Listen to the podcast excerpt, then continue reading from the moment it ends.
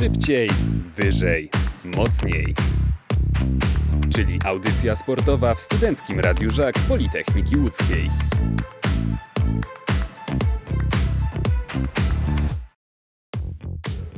Końcówka sezonu Fortuna pierwszej ligi to zdecydowanie pracowity czas dla drużyny ŁKS Łódź. Drużyna trenera Marcina Pogorzały nadal ma szansę zagrać w barażach premiujących do gry w następnym sezonie Ekstraklasy. Aby osiągnąć cel, muszą ugrać jak najwięcej punktów w swoich następnych ligowych spotkaniach. Sezon 21-22 nie był łaskawy dla drużyny z Unii. Niestabilna forma ŁKS-u to ciąg przeplatujących się zwycięstw, remisów i porażek. Szczególną uwagę warto zwrócić na grę biało-czerwono-białych w 2022 roku, gdzie ŁKS-iacy wygrali zaledwie 3 ligowe spotkania na 11 możliwych. Ta informacja na pewno nie napawa optymizmem. Trener Marcin Pogorzała zwraca uwagę na słabą skuteczność swoich zawodników, którzy od trzech meczów nie zdobyli żadnej bramki. Nadchodzące spotkanie derbowe to wielka szansa na odbudowanie drużyny i pierwsze zwycięstwo na nowym obiekcie.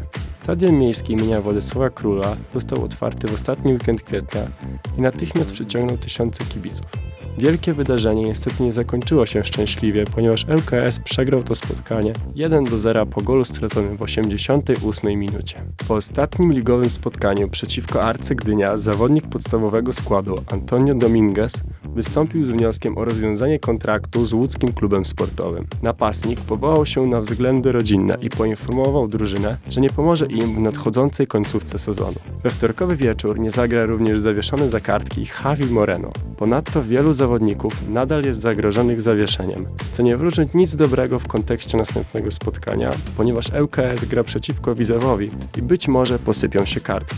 Forma drużyny prowadzonej przez trenera Marcina Pogorzałę odbiega od ideału, ale atut własnego stadionu oraz korzystne rezultaty przeciwko Widzewowi w ostatnich latach mają prawo napawać kibiców lekkim optymizmem. Spotkanie derbowe w pierwszej części sezonu zakończyło się remisem 2 do 2, dlatego możemy spodziewać się wyrównanej walki. Derby łódzkie rządzą się swoimi prawami, derby rządzą się swoimi prawami. To nie jest łatwa runda dla łódzkiego Widzewa. Po obiecującej zimie piłkarze z Alei Piłsudskiego wiosnę przywitali w najgorszy możliwy sposób. Na inaugurację przegrali boleśnie na własnym stadionie z Arką Gdynia aż 2 do 5, a w pierwszych czterech meczach zdobyli tylko 4 punkty. Po porażce z Odrą Opole prezes Mateusz Druszcz zagwarantował jednak, że trener Janusz Niedźwiedź do końca sezonu może spać spokojnie. Kredyt zaufania popłacił, bowiem od tego czasu Widzewiacy w ostatnich sześciu meczach zdobyli 13 punktów. Mimo niezłych wyników gra czterokrotnego mistrza Polski nie zachwyca. Akcjom ofensywnym brakuje płynności i finalizacji, szwankuje wyprowadzenie piłki, pojawiają się także proste błędy w defensywie. W efekcie Widzew męczy się do ostatnich minut, nawet w starciu z drużynami broniącymi się przed spadkiem. Część problemów tłumaczyć może absencja kluczowych jesienią zawodników. Trener Niedźwiedź nie mógł skorzystać z usług kreatywnego Juliusza Letniowskiego, kapitana Daniela Tanżyny czy doświadczonego Mateusza Michalskiego. Prawdziwa plaga spadła jednak na pozycję bramkarza. Najpierw ścięgno Achillesa zerwał Jakub Wrąbel, a tydzień później nogę złamał jego zmiennik Konrad Reszka. Miejsce między słupkami zajął sprowadzony last minute Słowak Henrich Rawas. Panaceum na problemy na skrzydle miał być z kolei Bartłomiej Pawłowski, dla którego był to sentymentalny powrót na Piłsudskiego. Były piłkarz Malagi strzelił trzy bramki, a swoją postawą udowodnił, że serce ma wciąż czerwono-biało-czerwone, lecz i on zmagał się ostatnio z urazem. Prawdziwego bólu głowy przysporzyć może jednak obsada pozycji numer 9. Na kłopoty zdrowotne skarżą się Mattia Montini i Przemysław Kita, a Bartosz Guzdek w niczym nie przypomina napastnika, który jesienią sześciokrotnie trafił do siatki przeciwników. Z konieczności szkoleniowiec Łodzian ustawiał na szpicy Pawłowskiego, a ostatnio Karola Danielaka, który na wiosnę jest jednym z najlepszych zawodników klubu. Widzew do starcia z lokalnym rywalem przystępuje po porażce z innym kandydatem do awansu Koroną Kielce. Czerwono-biało-czerwoni zagrali najlepsze spotkanie w tym roku, lecz proste błędy indywidualne w drugiej połowie przesądziło przegrane 1 do 2.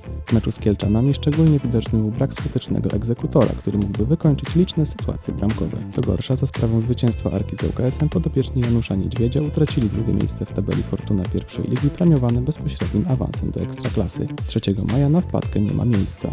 Aby oszczędzić sobie walki w barażach, widzewiacy muszą zagrać o pełną stawkę i po 12 latach przerwy zwyciężyć w derbach Łodzi. Szybciej, wyżej, mocniej. Czyli audycja sportowa w Studenckim Radiu Żak Politechniki Łódzkiej.